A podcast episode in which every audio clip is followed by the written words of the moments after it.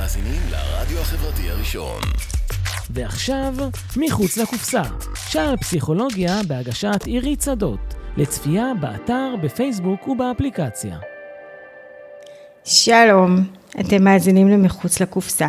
שעל פסיכולוגיה, על מה שקורה בשטח, הפרקטיקה, התיאוריה, החיבור ביניהן, כמו גם הממשק בין פסיכולוגיה לתחומים אחרים. אני עירית שדות, פסיכולוגית קלינית, והיום נדבר על סכמתרפיה. מתארחת אצלי לילך קורן, פסיכולוגית קלינית מומחית, מטפלת במבוגרים, נוער וילדים, בקליניקה פרטית בנתניה. אהלן לילך. היי עירית, כיף להיות פה. אז קודם אה, תספרי על עצמך עוד קצת מעבר למה שסיפרתי. איך הגעת לסכמתרפיה אולי?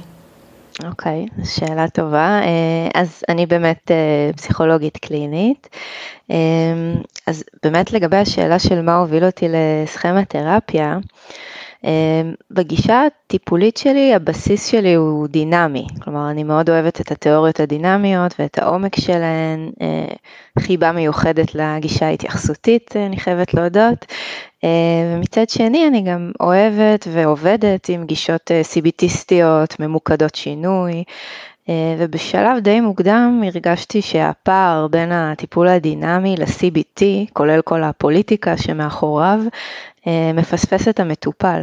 כלומר, את המטופל שצריך גם וגם, גם קשר טיפולי עמוק ומכוונן, אה, גם הבנה מורכבת, כי נפש האדם היא קצת יותר מורכבת מקוגניציות והתנהגות וכולי, אבל גם צריך שינוי במציאות החיצונית ולא רק הפנימית, ובעיקר צריך איזה מענה לשאלה כזאת של אוקיי, הבנתי, הבנתי את הדפוסים, הבנתי את השחזורים, אני מבין את הרציונל, אבל זה לא עוזר לי לעשות שינוי. וגם אם הבנתי, מה עושים עם זה? ו- ופה באמת נכנסות הגישות האינטגרטיביות שאני מאוד אוהבת, שמנסות לענות על הגם וגם, שזה למשל אקט, DBT גישות ממוקדות רגש, EFT וכולי וכולי, המון uh, גישות שהן ראשי תיבות באנגלית, זה ככה מאוד חזק עכשיו.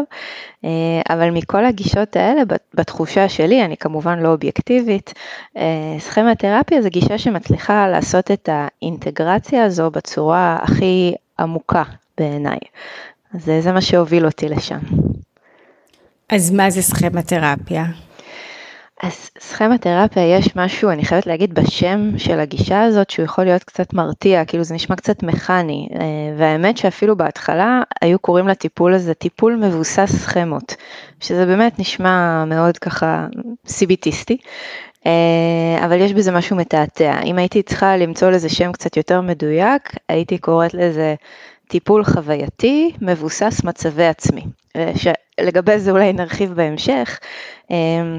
אבל אולי אני אסביר קצת על ההיסטוריה של אה, סכמתרפיה. בעצם אה, מי שפיתח, המציא את השיטה ופיתח אותה זה ג'פרי יאנג, שהוא פסיכולוג אמריקאי, אה, שהוא עבד צמוד לבק, אבי ה-CBT המפורסם, הוא היה ממש יד ימינו, אבל לאורך העבודה שלו הוא הרגיש שמשהו חסר ב-CBT, והוא זיהה שיש אוכלוסיות שלא מצליחות להיעזר ב-CBT. אה, אחד זה באמת האנשים שסובלים מהפרעות אישיות, מה שנקרא, ששם אחוזי הנשירה של אה, מטופלים כאלה היה מאוד מאוד גבוה. אה, ואגב, גם DBT פותחה מאותו מקום. וגם עבור אנשים שיש להם בעיות יותר כרוניות, שנמשכות יותר זמן, שהם בעיקר בהיבטים של יחסים בין אישיים.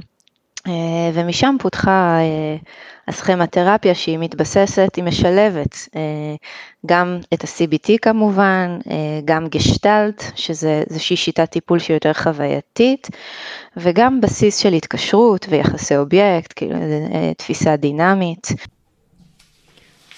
אז מה זה בעצם סכמות? אמ, אז, אז מה זה סכמה? בעצם סכמה זאת תבנית, כלומר זה איזשהו מונח שמגיע מהעולם הקוגנטיבי. דוגמה מאוד אה, רלוונטית לימינו נניח זה יום כיפור. נגיד יום כיפור גם זאת סכמה. זאת סכמה שעוזרת לי להבין שאם אני עכשיו אצא החוצה לרחוב, אני לא אראה אף מכונית על הכביש. אני אראה את כל האנשים הולכים על הכביש, ילדים אה, רוכבים על אופניים. כלומר, בעצם אם מנסים לחשוב על מצב כזה, סיטואציה כזאת, אצל בן אדם שלא מכיר את הסכמה הזאת של יום כיפור, זה היה מאוד מציף אותו החוויה הזאת, זו הייתה חוויה נורא ביזארית ומוזרה, אז בעצם סכמות עוזרות לנו אה, להבין את העולם בגדול, עוזרות לנו לחסוך משאבים קוגנטיביים בגדול. עכשיו איך זה מתקשר לעולם הטיפולי? בעצם כשיאנג אה, דיבר על סכמות, הוא דיבר על סכמות מוקדמות בלתי מסתגלות. מה, מה הכוונה? כלומר זה האופן שבו אנחנו תופסים את העולם, כמו מעין משקפיים, אם אפשר לקרוא לזה ככה. אה, כשיאנג מתייחס לזה שסכמה נוצרת כשצורך בסיסי לא מקבל מענה. כלומר, במובן הזה הוא עשה איזה מהלך מאוד יוצא דופן בעולם ה-CBT והתחיל לדבר על צרכים, משהו שמאוד uh, מוכר בעולם הדינמי. Uh, ואני חושבת שאולי ניתן דוגמה שתעזור רגע להבהיר את זה ולהמחיש את זה קצת יותר. מעולה. Uh, אחלה. אז, אז יאנג באמת דיבר על הוא חילק את זה לחמישה צרכים, הוא הופך את זה לחסכוני, זה לא אומר שזה אכן מסתכם רק בחמישה צרכים, אבל אחד הצרכים למשל, שיש לכל ילד וילדה שכולנו יכולים להזדהות איתו, אה, הוא הצורך להביע תחושות ורגשות, פשוט ככה. עכשיו יכול להיות שהצורך הזה לא מקבל מענה מספק בילדות. למשל ילד שחווה הורות מאוד נרקסיסטית, או נסיבות חיים שחשפו את הילד להרבה צרכים של ההורים בשלב מוקדם מדי, אה, או הורות מאוד נוקשה. אה, כל הדברים האלה מייצרים אה, איזו קבלה מותנית כזאת של הילד, על בסיס זה שהוא יהיה ילד טוב, פחות יביע צרכים, יותר יהיה מכוונן לצרכים של אחרים, ומול הדבר הזה יכולה להתפתח כל מיני סכמות, אבל אחת מהן היא סכמה שנקראת הקרבה עצמית, זו ממש סכמה שהיא חלק מהתיאוריה.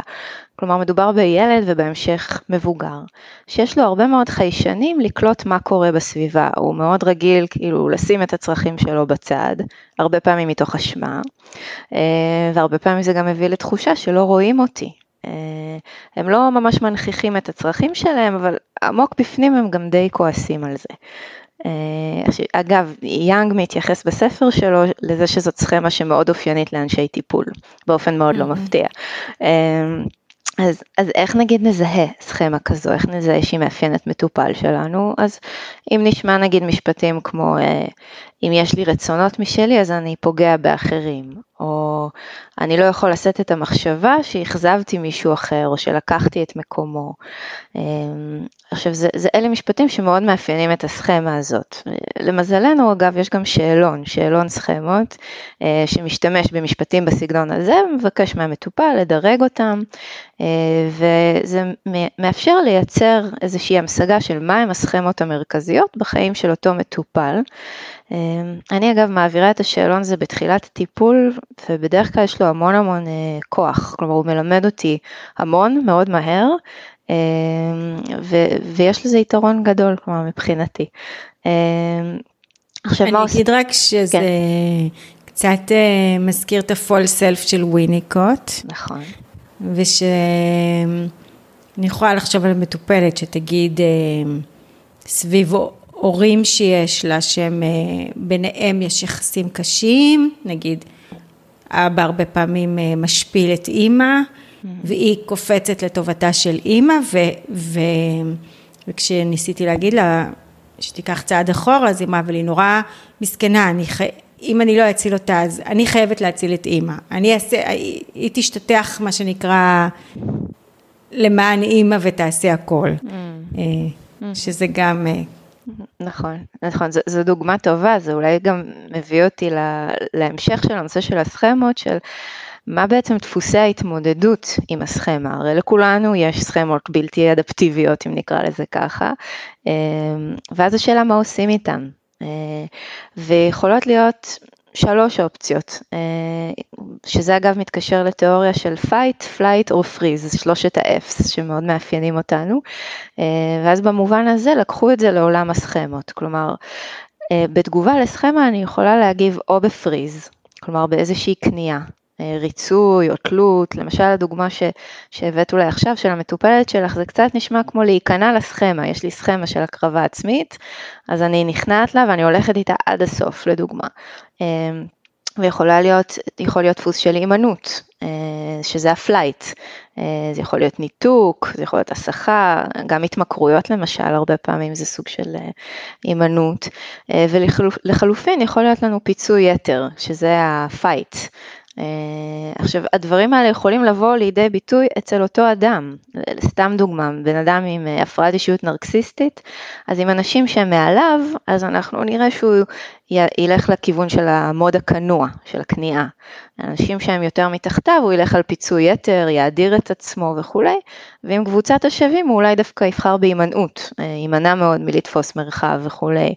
אמ, אז, אז אלה שלושת אה, דפוסי התמודדות שאנחנו יכולים לראות מול סכמה. רגע, רצית, דיברת על כמה סכמות. נכון. אז... נכון, יש כמה סכמות, יאנג אה, ספציפית ניסח 18 אה, סכמות. Oh, ש... וואו. כן, בהחלט לא מעט, שהן בעצם נגזרות מחמישה צרכים שלא קיבלו מענה, אז פלוס מינוס 3-4 סכמות לכל צורך שלא קיבל מענה. הבעיה באמת בהקשר הזה, לסכמה תרפיה, שיש הרבה מטופלים, בטח מטופלים עם הפרעות אישיות, שיש להם המון המון סכמות. כלומר, יכול להיות מטופל או מטופלת, וכבר ראיתי שיש להם איזה עשר סכמות uh, מובהקות, uh, וזה לא כל כך יעזור עכשיו להתמקד על כל סכמה בנפרד, וזה גם יהיה עבודה, זאת תהיה עבודה מאוד קוגנטיבית. Uh, ולכן הטיפול בסכמה תרפיה הוא באמת מתמקד יותר במצבי הסכמה או במצבי העצמי. ולא בסכמה עצמה, שבסכמה תרפיה קוראים למונח הזה מודים. זה ממש מונח שהוא חלק מה, מהתיאוריה, אה, ש, שהעמדה הזאת היא מכילה שילוב של גם הסכמה וגם דפוס ההתמודדות שלה. אה, עכשיו מזווית יותר דינמית אפשר לקרוא לזה פשוט מצבי עצמי.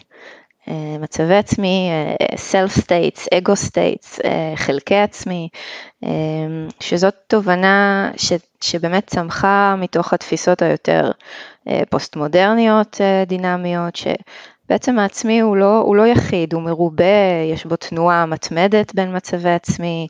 אה, מי שכתב על זה הרבה, למי שזה מעניין אותו, זה פיליפ ברומברג, אה, שיש לו מונח מאוד יפה שנקרא אה, Standing in the Spaces, לעמוד בין החללים, בין מצבי העצמי השונים, בלי לאבד אף אחד מהם. כלומר, לא ליפול לאיזה דיסוציאציה, לא במובן הקליני, אלא יותר מטאפורי.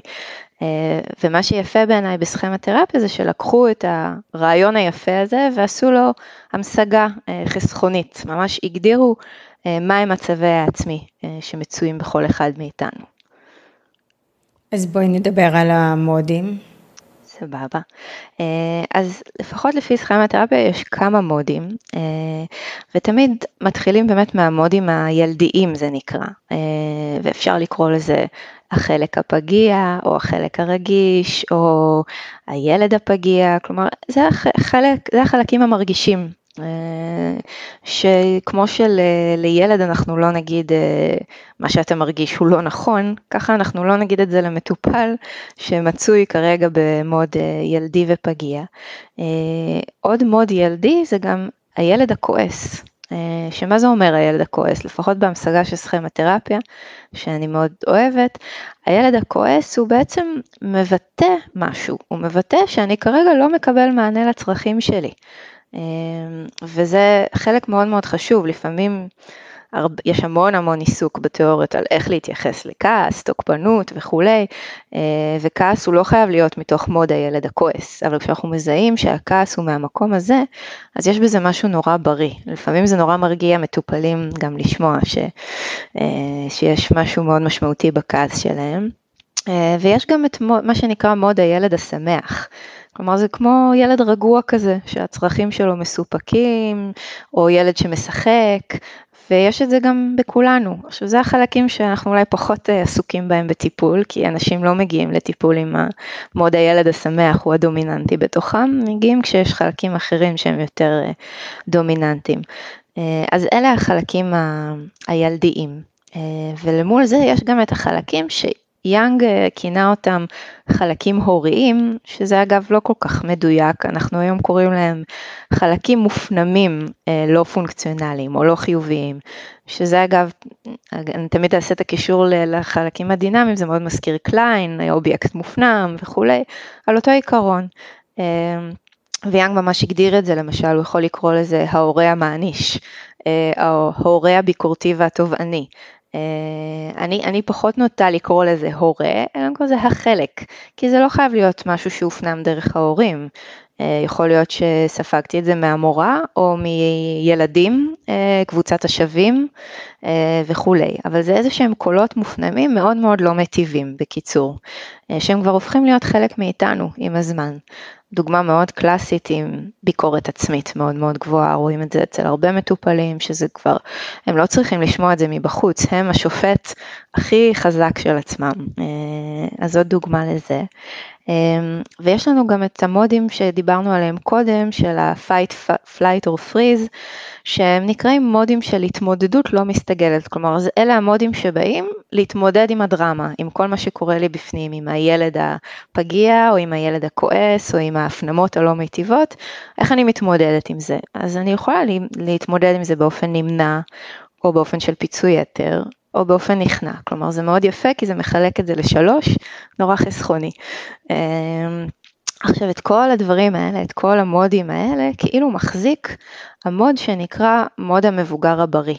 אה, כמו איזה שתי ידיים כאלה שמחבקות את כל חלקי העצמי האחרים, קצת ה-standing between the, play, the spaces של ברומברג, אה, והכוונה היא לא לאיזה תפקוד של איזה סופר מבוגר בריא שיודע לעשות הכל וכולי, לא, אלא זה קצת יותר כמו אגו מתבונן, כמו איזושהי פונקציה שיכולה להתבונן בחמלה, ואת זה אני תמיד מדגישה, חמלה אה, כלפי שאר החלקים, יודעת ל, כאילו לחבק אותם, להכיל אותם, להבין אותם, אה, וזה כמובן mode שאנחנו כמטפלים רוצים לעשות לו modeling ורוצים לחזק אותו אצל המטופל, אה, ובעצם בטיפול אנחנו עובדים על ההמשגה הזאת, המשגה של המודים השונים אצל המטופל, כלומר ממש אנחנו בונים מעין מפה כזאת של האישיות, אה, ואנחנו משתפים את המטופל או את המטופלת בזה כדי לזהות, רגע, מה קורה עכשיו? מאיזה מוד אני פועל עכשיו?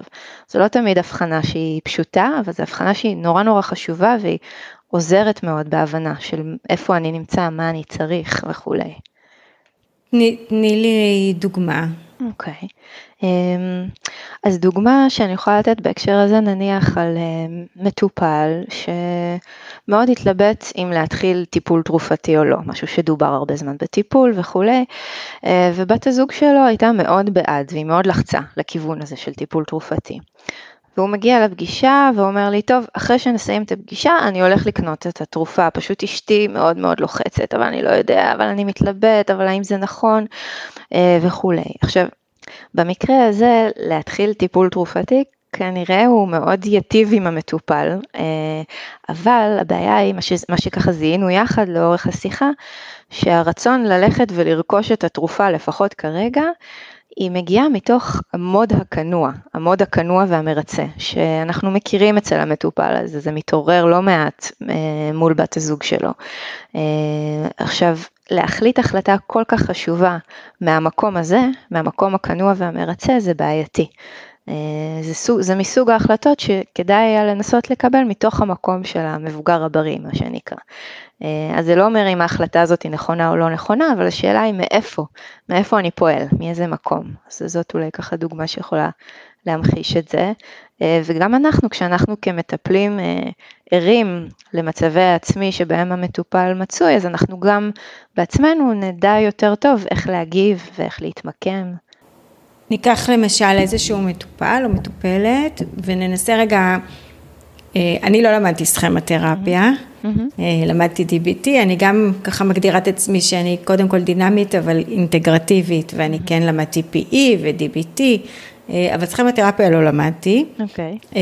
אז אני מנסה רגע לקשר רגע בין המונחים של הצרכים, mm-hmm. בין הסכמות לבין המודים. Mm-hmm. ופה נראה לי אני קצת התבלבלתי. כן. בחיבור ביניהם. נגיד מגיע מטופל או מגיעה מטופלת, mm-hmm. ואת עוברת איתה על השאלון. כן. קחי אותי משם הלאה. מה עושים משם? אה, אז קודם כל אני, אני אגיד לגבי השאלון שאני חושבת שזה לא מתאים עם כל המטופלים לעבור יחד על שאלון כי זה לפעמים זה קצת too much information. זה קצת, וויניקוט אגב מתייחס לזה באחד המאמרים שלו, הוא אומר נתתי את הפרשנות הנכונה אבל זה היה שבע שנים מוקדם מדי או 13 שנים מוקדם מדי. אה, אז כזה, לפעמים זה כן אולי נכון יותר עם מטופלים ברמת תפקוד יותר גבוהה שהם כבר היו באיזשהו טיפול בעבר וכולי, אז זה אולי איזה זה הערת ביניים, אמ, אבל לגבי הסכמות, סכמות והמודים זה באמת קצת שני דברים שהם טיפה נפרדים, כלומר אני מבינה את, ה, את הבלבול. הסכמות עוזרות להבין את תפיסת העולם, במילים אחרות. מהי תפיסת העולם שלי, מהם הציפיות שלי לגבי העולם, אה, איך, איך אני אתנהל בתוך קשר ומה אני אקבל בחזרה וכולי. זה יותר המשקפיים. המודים הם יותר איך אני פועל, אוקיי, מה, אז מה אני עושה עם זה? אז יש לי משקפיים אפורות, אוקיי, אני יכול מצד אחד אה, לרוץ אל האש, ואני יכול מצד שני כל היום להיות בתוך הבקתה ולא לצאת, אה, זה, זה כלומר זה שני דברים שהם קצת אה, שונים, שונים אבל גם קשורים זה לזה. איך בעצם אנחנו נגיב? כשאנחנו מזהים איזשהו מוד שהוא נקרא לו לא פונקציונלי או שמרע עם טובת המטופל. נכון. או איך, איך אנחנו בעצם נקדם את הטיפול.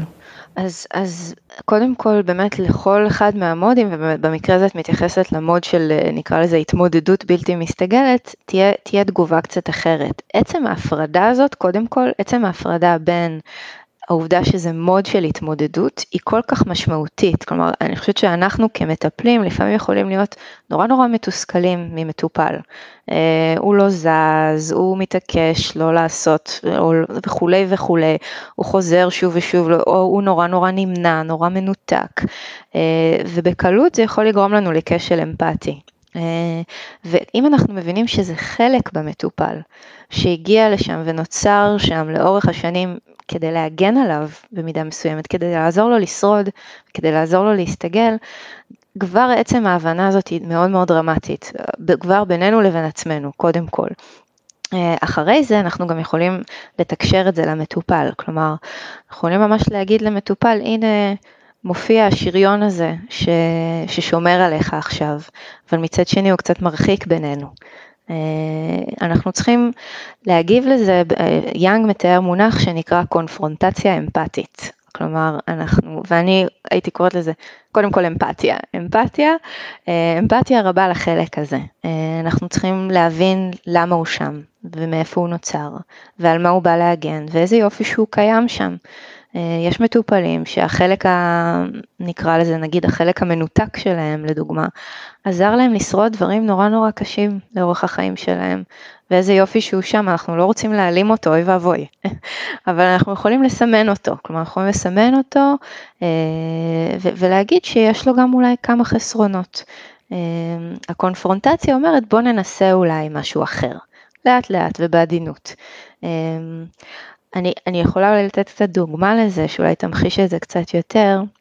אה, למשל, המוד הזה הנמנע או המגן מנותק, הרבה פעמים קוראים לזה בסכמתרפיה, אה, אז מגיע מטופל שלי שיש מאחוריו כמה טראומות ילדות, אה, ו- ואני רואה שהוא במוד הזה, כלומר הוא מדווח על דברים מאוד ביובש, הוא לא כל כך עונה לשאלות שלי, הוא עונה בקצרה, הוא נראה מרוחק, ואני יכולה לעשות המון המון מאמצים. אני יכולה לשאול עוד ולשאול, ו- ולנסות להיות הכי אמפתית וחמודה ונחמדה שיש, אבל זה לא יעזור, כי הוא כרגע במוד הזה, המגן מנותק. אמ, ואז אני יכולה להגיד שלמשל במקרה הזה שאני חושבת שאני רואה מול העיניים שלי את אה, נקרא נגיד יותם, אז אני רואה מול עיניי את יותם המנותק, שאנחנו כבר מכירים אותו קצת, אה, והוא פה יושב מולי על הכיסא, אבל אני מרגישה כאילו ממש מאחוריו יושב יותם הילד הפגיע. ואני מבינה שיותם המנותק כאן כדי להגן עליו, אני יכולה מאוד להבין את זה, אבל כדי שנוכל לעבוד ביחד אני אשמח שתסמוך עליי ושתיתן לי רגע להתקרב אה, ליותם הפגיע. אז זאת איזושהי דוגמה לקונפרונטציה אמפתית, נקרא לזה ככה. Mm-hmm.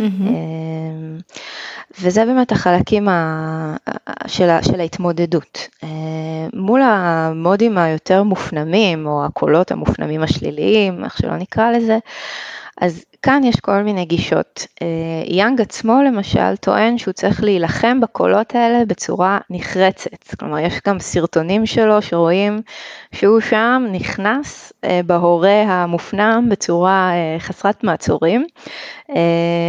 היום יש גישות שקצת רואות את זה אחרת, אני ביניהם, שזה קצת לגשת לקולות האלה כמו שניגשים להדרכת הורים. כלומר להתעמת קצת עם הקולות ההוריים האלה אה, באופן שהוא קצת דומה לקונפרונטציה האמפתית הזאת, כלומר אני, אני יכול להבין מאיפה הגעת, אבל זה לא כל כך בריא. אה, אז זה, זה, זאת דרך ההתמודדות עם החלקים המופנמים השליליים.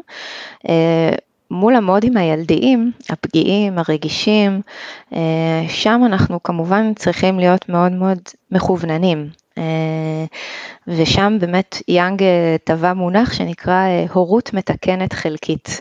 שזה בעיניי מונח מהמם, כי זה פחות או יותר מה שעושים בטיפול, רק שאף פעם לא נתנו לזה שם. זה מה שבעצם מדגישים מאוד בטיפול דינמי. המטרה היא לתת מענה לצרכים שמתעוררים. במובן הזה זו גישה קצת קואוטיאנית. קואוטיאנית. בדיוק, כן. השאלה היא באמת מה כהורה הייתי עושה במצב כזה. אה, ואם נגיד זה ילד כועס אגב, גם ילד כועס יכול להתעורר, אז אנחנו יכולים לקחת אחריות, אה, להתנצל, כשל אמפתי, אגב קואוטיאני, זה ממש קואוטיאני במונח, במובן הזה, אה, ואנחנו רוצים גישה לחלק הזה, כלומר זה החלק שאנחנו רוצים לדבר איתו, לעבוד איתו, יש הרבה פעמים מטופלים עם לא מעט הגנות, שייקח זמן עד שהחלק הזה יעלה ויופיע, וכשהוא מופיע אנחנו צריכים להיות מאוד רגישים, מכווננים ולעודד את, ההגעה שלו. והחלק האחרון זה החלק של המבוגר הבריא, אה, שאגב זה מאוד חשוב בעיניי לזהות אותו אצל מטופלים, גם אצל מטופלים שהמבוגר הבריא הוא מאוד מאוד דל ודקיק ושביר, אבל הוא בכל זאת שם. הרבה פעמים אגב אני רואה את זה אצל מטופלים שהם בעצמם הורים, וגם אם הם בעצמם כילדים חוו הורות על ההיסטור, אבל הם כהורים פתאום מצליחים להוציא מעצמם דברים מדהימים, אז זה, זה אזורים שאני מאוד מדגישה כהמבוגר הבריא, כלומר תראה איזה הורה מדהים אתה מצליח להיות לילד שלך, איזה יופי, כלומר לחזק את זה.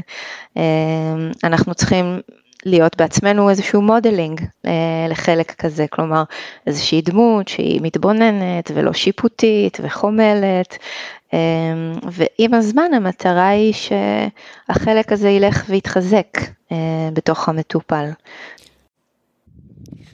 אז אני יכולה לחשוב על שתי דוגמאות אה, ככה של אה, סכמות, ובואו נראה איך אה, ניישם את זה. למשל, מישהו שהוא עם תפיסת עולם מאוד קורבנית, כי באמת הוא גדל ממקום של אין, עם. עם הרבה אין, כשהוא נחשף בילדותו לסביבה שיש בה הרבה יש. ועד היום הוא בתפיסה הזאת, למרות ש... וכיום זה לא משרת אותו, mm-hmm. התפיסה הזאת הקורבנית. Mm-hmm. אז אה, זה משהו שבטיפול דינמי מאוד המשגנו ודיברנו על זה, שזה כבר משהו שהיום הוא כבר, זה תוקע אותו, mm-hmm. זה, זה לא משרת אותו. Mm-hmm. אז בואי ננסה להדגים את זה. בסכמה. דרך סכמה. כן. כן. אז, אז אני חושבת שבאופן מאוד דומה עובדים עם זה בסכמה. אגב, הנושא הקורבני, זה נושא בפני עצמו, אנחנו מדברים עליו לא מעט בהדרכות סכמה שאני נמצאת בהם עכשיו, שאנחנו אומרים שיאנג לא בדיוק הצליח להגדיר את, ה, את המוד הקורבני באופן מדויק, כי הוא קצת ערבוב של כל מיני דברים. אבל אני כן חושבת שהוא מוד של הסתגלות, אה, של אה, הסתגלות לא טובה לצורך העניין, אה, ואפשר ממש לה, להשתמש בזה בדיוק באופן שבו את עושה, כלומר להגיד שזה, שזה חלק בתוכו, שהנה שוב פעם עולה, אפשר ממש להגדיר את זה כ... נקרא, נגיד נקרא לו יורם, אז יורם הקורבני, או יורם המתלונן, או יורם המסכן, אני לא יודעת, כאילו, למצוא איזושהי המשגה שהיא כמובן תהיה עם הרבה כבוד לזה, ולא ממקום מזלזל וכולי, אה, אבל להגיד, או, oh, אני, נראה לי שעוד פעם עולה... אה, יורם הקורבני, והוא לא כל כך, לא כל כך אפקטיבי עבורך, הוא לא כל כך עוזר לך. הרבה פעמים המוד הקורבני הוא הוא קצת משאיר אותך תקוע, כי הוא לא מאפשר לכעוס כעס אסרטיבי ולהשיג את מה שאתה צריך להשיג.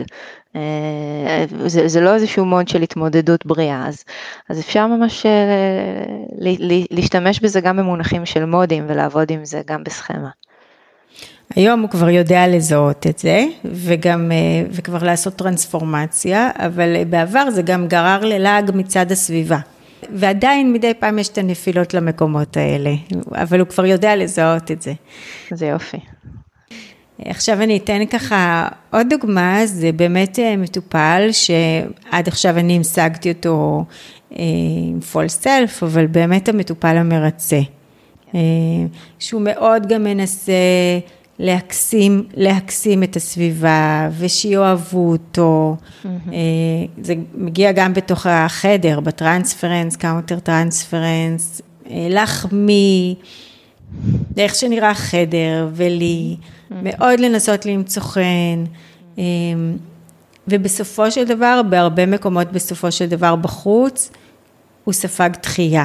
Mm. זאת אומרת, זה לא עבד לו באיזשהו מקום, המוד הזה. זה כבר, זה כבר לא עבד לו. Mm. אמ, כי זה היה משהו שהוא, אולי ברגע, ברגעים הראשונים זה עבד, אבל אחר כך בגלל שהוא אה, כל כך היה עסוק בלהסתכל איך הוא נראה בעיני הסביבה, וכל כך היה עסוק בלרצות, שהוא לא, הוא פספס את עצמו שם. Mm-hmm. כשהוא פספס את עצמו והוא לא היה מחובר, אפרופו צרכים, לצרכים נכון. שלו. נכון. אז אז הוא לא יכל להתנהל עם זה אה, בצורה, להתנהל עם הדברים בצורה אותנטית ובצורה אה, מיטבית, ובסופו של דבר, הוא נפל בהמון מקומות, אני יכולה לדבר על עבודה למשל, והוא ספג הרבה ביקורת והרבה דחייה, שזה בדיוק הפוך ממה שהוא נורא נורא ניסה, זה באמת היה טרגי, כי הדבר הכי שהוא רצה זה להיות הכי טוב והכי למצוא חן. Mm.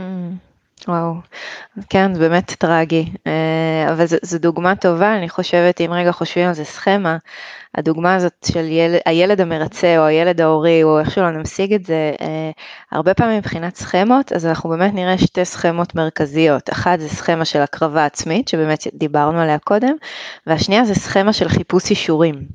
אה, שזה בעצם איזושהי סכמה שמדברת על המכווננות הזאת כלפי חוץ, על הצורך המתמשך הזה בדינמית נקרא לזה פגיעות נרקסיסטית. אה, ואז שתי הסכמות האלה באמת צובעות את ההתנהלות בעולם, ואם אנחנו מסתכלים על איזה מודים נוצרים מול הדבר הזה, אז אנחנו באמת נראה מוד כנוע ומרצה, ככה הרבה פעמים אני קוראת למוד הזה, שבאמת המטרה שלו היא מטרה מאוד חיובית, היא ליצור קשרים, היא לקבל אישור, היא לקבל מענה לצרכים שלו, כמו שאמרת. אמ, אבל אז הוא באמת מוותר הרבה פעמים, זה הרבה פעמים במחיר של ויתור. אה, וזה הרבה פעמים באמת בא לידי ביטוי בתוך הקשר הטיפולי. זה, זה אחת, אחת מגישות העבודה גם בסכמתרפיה, לשים לב לזה בתוך הקשר הטיפולי, כשזה עולה גם בכאן ועכשיו, אה, ו, ו, ו, ולהתבונן על זה. אה, ו- ולראות, למצוא אם יש דרכי התמודדות יותר, יותר אדפטיביות, במקרה של המטופל שלך זה לא, לא כל כך היה מוצלח במבחן המציאות, אצל הרבה מטופלים כאלה מרצים, זה נורא מוצלח להם במציאות, זה, זה, זה מצליח להם, הם מקבלים את האישורים שהם רוצים, אוהבים אותם, אבל אז ה... יש איזה מרמור פנימי כזה, איזה כעס פנימי כזה שמלווה, שזה שם הילד הפגיע שלא לא נותנים לו במה, לא נותנים לו לדבר, אה, לא נותנים לו לבטא מה הוא באמת צריך, ואם הוא כועס אז הוא גם יכול לכעוס למשל. אה, אז זה, זה, זה, זה קצת דומה, אבל, אה, אבל גם קצת שונה. איך עובדים עם סכמות? מה ההתערבויות הטיפוליות בעצם? אמ, אז, אז אני כן אגיד שהתערבויות הטיפוליות בסכמה תרפיה הן כאילו נשענות על ארבע רגליים, ואני אתאר אולי קצת כל אחת מהן. הרגל הראשונה היא באמת הרגל הקוגנטיבית, שזה באמת ההבנה, להבין את המודים, להבין את הסכמות, נגיד לקחת איזשהו מוד, נגיד התייחסת למטופל שלך שיש לו את המוד הכנוע ומרצה, אפשר ממש לעשות לזה טבלת יתרונות וחסרונות, מה זה נותן לי, מה, מאיפה זה פוגע בי, ממש משהו שהוא כמו reframing, כלומר כשהיית ילד היית צריך כך וכך וכך והסביבה לא נתנה לך את זה, זה לא אומר שאתה דפוק, אה, זה אומר שהסביבה לא נתנה לך את מה שהיית צריך. כלומר זה איזשהו סוג של reframing בשפה הסיביטיסטית או פרשנות אמפתית בשפה הדינמית, אה, אבל הדברים האלה מאוד מוכרים לנו, אה, זה לא כל כך מחדש. עוד רגל שיושבת עליה סכמתרפיה זה הקשר הטיפולי. Uh, הקשר הטיפולי כמקדם שינוי, כמו שאמרנו קודם, uh, הורות מתקנת חלקית, שזה באמת הפורטה של טיפול דינמי, שבאמת מבין כמה הדבר הזה מורכב ומסובך. Uh, אני חוששת ש, שמטפלים שמגיעים לסכמה בלי מספיק הבנה באזורים האלה, זה, זה קצת בעייתי, כי זה באמת לא כזה קל לתת הורות מתקנת חלקית לאנשים שההורות המקורית שלהם היא מאוד מאוד פגועה. אה, אז גם שם נדרשת הרבה עבודה. אה, והרגל השלישית שהיא באמת מאוד ייחודית לסכמתרפיה ושווה אולי שנדבר עליה קצת יותר זה הפן החווייתי.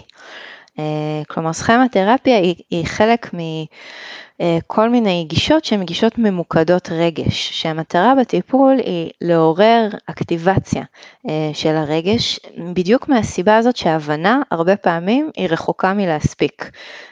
אם בעבודה קוגנטיבית אנחנו עובדים על להבין ולהבין לעומק. הרבה פעמים מטופל יכול להגיד, אוקיי, אני יודע שזה לא נכון, אני מבין, אבל אני לא מסוגל לעשות עם זה משהו. והסיבה לזה היא שבאמת הרבה פעמים אנחנו מדברים אפילו על אזורים מוחיים אחרים. הרבה פעמים כשאנחנו עושים טיפול בדיבור אה, הקלאסי שאנחנו מכירים, אנחנו עובדים על, ה, על האזור הפרונטלי של המוח, כלומר על האזורים שהם יותר רציונליים, יותר דורשים מטה, קוגניציה, חשיבה על וכולי. אבל הרבה פעמים הדפוסים העמוקים או הסכמות הם יושבים לנו באזורים אחרים במוח, הם יושבים יותר באמיגדלה, באזורים שהם הרבה יותר רגשיים וחווייתיים. ולכן הטיפול בסכמה, בסכמה תרפיה הוא באמת מתבסס על התערבויות חווייתיות. מה זה אומר? אה, שתי האופציות הכי נפוצות להתערבויות חווייתיות, זה, אחד מהם זה למשל עבודת כיסאות.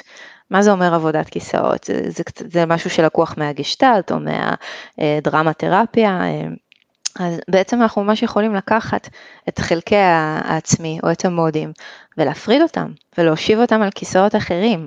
אה, אני, אני יכולה נגיד לתת דוגמה טובה לזה מטיפול לאחרונה, שיש לי מטופל עם ביקורת עצמית באמת כל כך חזקה, בין החזקות שראיתי, כל טיפול אני שומעת את הביקורת העצמית על כל דבר שהוא עושה, כמעט כל דבר. ואנחנו מבינים היטב שזה קשור לאימא, והאימא איתה הוא גדל, הוא מאוד מודע, הוא עבר טיפולים בעבר. זה לא כל כך עוזר לו לנטרל את ההרסנות של הביקורת העצמית. ואז הצעתי לו, בוא נעשה רגע הפרדה. הוא סיפר על איזה אירוע, אמרתי בוא ניקח את האירוע הזה ונעשה הפרדה, אני רוצה ש... תושיב את החלק הביקורתי שבך, שאנחנו מכירים אותו, על הכיסא הזה ותדבר אל, נקרא לו יוסי, תדבר אל יוסי מתוך החלק הביקורתי. ואז הוא התחיל לדבר, בדיוק את אותם דברים שהוא אמר קודם. אתה טעית, אתה עשית טעות, למה לא חשבת, למה לא חשבת קודם, היית צריך לקחת בחשבון ככה וככה, איזה טיפש אתה. ותוך כדי שהוא מדבר, זה, זה, היה, זה לא תמיד ככה, וזה היה ככה במקרה הזה, תוך כדי שהוא מדבר הוא, הוא עצר, אמר לי, אני לא יכול לעשות את זה יותר. אז אמרתי לו, למה לא? אני לא יכול, אני לא, אני לא מסכים עם מה שאני אומר, אני, זה, זה קשה. ואז אמרתי לו, או, oh, אבל תשים לב שאתה עושה את זה לעצמך כבר כל כך הרבה שנים, הנה, פתאום עצרת. עצם האפשרות לחוות את זה, לחוות את זה ולשים לב מי מדבר ומי שומע, לחוות את זה בחדר, אפשרה שם איזושהי טרנספורמציה מאוד משמעותית. אה, אז זאת איזושהי דרך חווייתית אחת לחוות את הדבר הזה. ועוד עבודה שהיא מאוד אה, ייחודית, אני חושבת, לסכמתרפיה, יש עוד כל מיני גישות שלוקחות את זה, זה חוויה של אה, עבודה בדמיון. שמה זה אומר עבודה בדמיון? בעצם הרבה פעמים אנחנו מציעים למטופל לחזור לאיזשהו זיכרון באופן חווייתי, כאילו שהוא קורה כאן ועכשיו, ושם אנחנו עושים איזושהי עבודה. אה, גם לזה אולי אני, אני אתן איזושהי דוגמה שתעזור קצת להמחיש את זה. אה, נניח אה, מטופלת שסובלת מקושי בזוגיות שלה, היא יכולה לתאר איך היא מרגישה מאוד דחויה ולא אהובה, כשהבן זוג שלה סך הכל הוא מאוד משתדל, אבל הוא לא מצליח להיות איתה באינטנסיביות שהיא צריכה, והיא צריכה אינטנסיביות די גבוהה. עכשיו זו מטופלת שאני מכירה כבר תקופה, אני יודעת שהיא חוותה בעברת דחייה חברתית. ואם הייתי מוותרת על עבודה בדמיון, הייתי הולכת לאיזה פרשנות כזאת שהייתי מחברת בעצמי, הייתי אומרת, את יודעת, זה מזכיר לי את מה שסיפרת כילדה, על התחייה החברתית שחווית וכולי, אבל עצרתי ואמרתי, נעשה רגע משהו אחר, נעשה עבודה בדמיון. ואז הזמנתי אותה לעצום עיניים ולהתמקד רגע בתחושה הגופנית שמתעוררת בה כשהיא צריכה את הבן זוג שלה איתה צמוד צמוד והוא לא, לא נמצא והוא דוחה והוא מתרחק. וממש לתת מקום לתחושה הגופנית הזאת, במובן הזה סכמה גם עובדת מאוד גוף, שזה בעיניי מאוד חשוב, אה, ולהתחבר אליה, לא, לא לברוח ממנה, הנטייה היא בדרך כלל לברוח, להתחבר אליה ולהיות רק עם התחושה. ולנסות רגע ללכת אחורה ולהיזכר בחוויה מגיל יותר צעיר שבה היא הרגישה בדיוק את אותה תחושה. עכשיו זה היה לה קשה, היא ניסתה קצת לברוח והחזרתי אותה, ואז היא נזכרה דווקא באירוע שבו היא הייתה ילדה, פלוס מינוס בת עשר, והיא ביקשה לשחק עם אחותה הגדולה, אבל אחותה הגדולה התעלמה ממנה ויצאה מהבית להיפגש עם חברות. ואז אני שם בדמיון, אני שואלת אותה, אמא או אבא בבית, איך הם מגיבים לזה? אז היא אומרת שאימא אומרת לה, תניחי לה, היא גדולה, יש לה עיסוקים משלה, די, אין לה זמן אלייך, תעזבי אותה. עכשיו, כבר עצם הדבר שהדבר הזה הוא זה שעלה היה מאוד מעניין ומפתיע, כלומר אני נגיד לא ציפיתי לזה, וזה עזר לי לזהות איזושהי חוויה של דחייה וחוסר שייכות כאילו בתוך המשפחה, אה, גם חוויה של הורות לא מתקפת ולא מכילה, דברים ש, שלא עלו קודם לכן, אה, אבל מעבר להבנה שלי ולהמשגה שלי, אז אני שואלת אותה, אני שואלת את דנה הילדה בדמיון, מה את צריכה עכשיו? אה, והיא יכולה לעזור לי לענות, לא תמיד יודעים לענות על זה, אבל לפעמים כן. ואז אפשר לעשות כל מיני דברים, זה תלוי, אבל אני יכולה למשל להיכנס בעצמי בדמיון ולעשות מעין הדרכת הורים לאימא, שזה הפנמה לא פונקציונלית נקרא לזה ככה, ולהסביר לה מה דנה צריכה כרגע, לעזור לה לתת את זה, אולי היא רק צריכה ממך חיבוק, אולי היא צריכה שתעזרי לה אה, לתווך בינה לבין אחותה, תראי כמה היא צריכה את אחותה הגדולה, זו סתם ככה דוגמה, אה, וזו דוגמה די רכה, כי יכולים לפעמים לעלות זיכרונות יותר קיצוניים ויותר טראומטיים, ואז סוג ההתערבות בדמיון הוא יהיה אחר, כאילו בגדול הוא יהיה הרבה יותר מלחמתי מול הגורם המתעלל, וה... אה, אבל זו, זו, דוגמה, אה, זו דוגמה אחת. עכשיו הדבר הזה הוא יוצר, הוא יוצר חוויה, כלומר זה שונה מאשר להיזכר ולדבר על, אתה חווה את זה, אתה נמצא בהווה, אתה חווה איך זה להרגיש שיש דמות אחרת שנכנסת ועושה איזשהו תיקון אה, חלקי ומסוים, מתוך איזושהי חוויה או מחש... מתוך איזושהי מחשבה שהחוויה הזאת ככל שהיא תקרה שוב ושוב ושוב, כשאתה בעצמך מצוי באזור רגשי, אה, ת, תעשה איזושהי טרנספורמציה, תחזק את הבוגר הבריא שבך. לצורך העניין. אמ, אז זה נגיד סוג עבודה שאני מאוד מאוד אוהבת, הוא דורש הרבה אומץ, אבל אה, הוא משמעותי בעיניי. אוקיי, okay. מעניין. זה ככה לוקח אותי ל... קצת מזכיר את ה-PE, שאנחנו mm. חוזרים אחורה לזמן, והחלק ה... אה, השני, הרגל השנייה שתיארת זה ככה מאוד אה, קוהוט, וויניקוט, כאילו החוויה המתקנת, ההורות אה, הרגרסיה של בליאנט. אה, נכון. אז אה, נראה לי שהגענו לסיום. עשית לי חשק ללמוד סכמתרפיה. אני מודה שגם אני הייתי בה... בחשיבה הזאת של הסכמה, אז אני לא רוצה, כאילו סכמה זה לא נשמע לי, לא נכון. נשמע לי סבבה הסכמה הזאת. נכון, נכון. היו לי מספיק סכמות בחיים. לגמרי, אני, אני באמת חושבת שהרבה אנשים שומעים את המונח סכמה תרפיה וזה מה שעולה להם, אבל בעצם זאת גישה מאוד מאוד ממוקדת רגש ומאוד מאוד ממוקדת חוויה אה, ומאוד אינטגרטיבית ודיברנו באמת על, על כמה שזה מורכב מכל מיני דברים, אז אז אני שמחה לשמוע ש... שהעברתי את המסר. כן, העברת את זה בצורה מעניינת, ו, ושבאמת עושה חשק אה, לדעת את זה. אז לקראת סיום, אה, יש לך שיר להקריא, נכון? כמובן, כן. אני מאוד אוהבת שירה, אה, בעוונותיי, אה, ואני תמיד מוצאת אה, קשר בין טיפול לבין שירה. כל כך שהתלבטתי גם היום איזה שיר להביא, היו לי שניים, וזה, וזה לפחות שניים. אבל בחרתי בשיר אחד שהוא של משוררת, פסיכולוגית וחברה, כמה שיר, אולי חלקכם מכירים, שהשיר הולך ככה, אני אקריא אותו רגע, ואחרי זה אני אסביר ככה איך זה מתקשר בעיניי לסכמתרפיה. שלט הכניסה לדירתנו נפל. חלקי האחד אומר, מה עוד ייפול עלינו? חלקי האחר אומר, מה שיפול, נחזיק. זהו, זה שיר נורא קצר, אבל נורא יפה בעיניי, כי הוא באמת מדבר את הדיאלוג הזה שיש בין חלקי עצמי, ואני חושבת שהוא גם מדבר פה את הדיאלוג בין החלק הפגיע, שדיברנו עליו, של מה, אוי, מה עוד ייפול עלינו, אה, לבין, לבין החלק של, ה, נקרא לזה, הבוגר הבריא, שאומר, מה שיפול, נחזיק. כלומר, זה חלק שמצליח לקחת נשימה. אה, אז, אז נראה לי שזה ממחיש את זה. יש עוד הרבה שירים שממחישים, אבל זה אחד מהם. כן, באמת שיר מקסים. אז תודה רבה רבה לילך שהצטרפת אליי. אני הייתי עירית שדות, וניפגש בפרק הבא. אתם מאזינים לרדיו החברתי הראשון.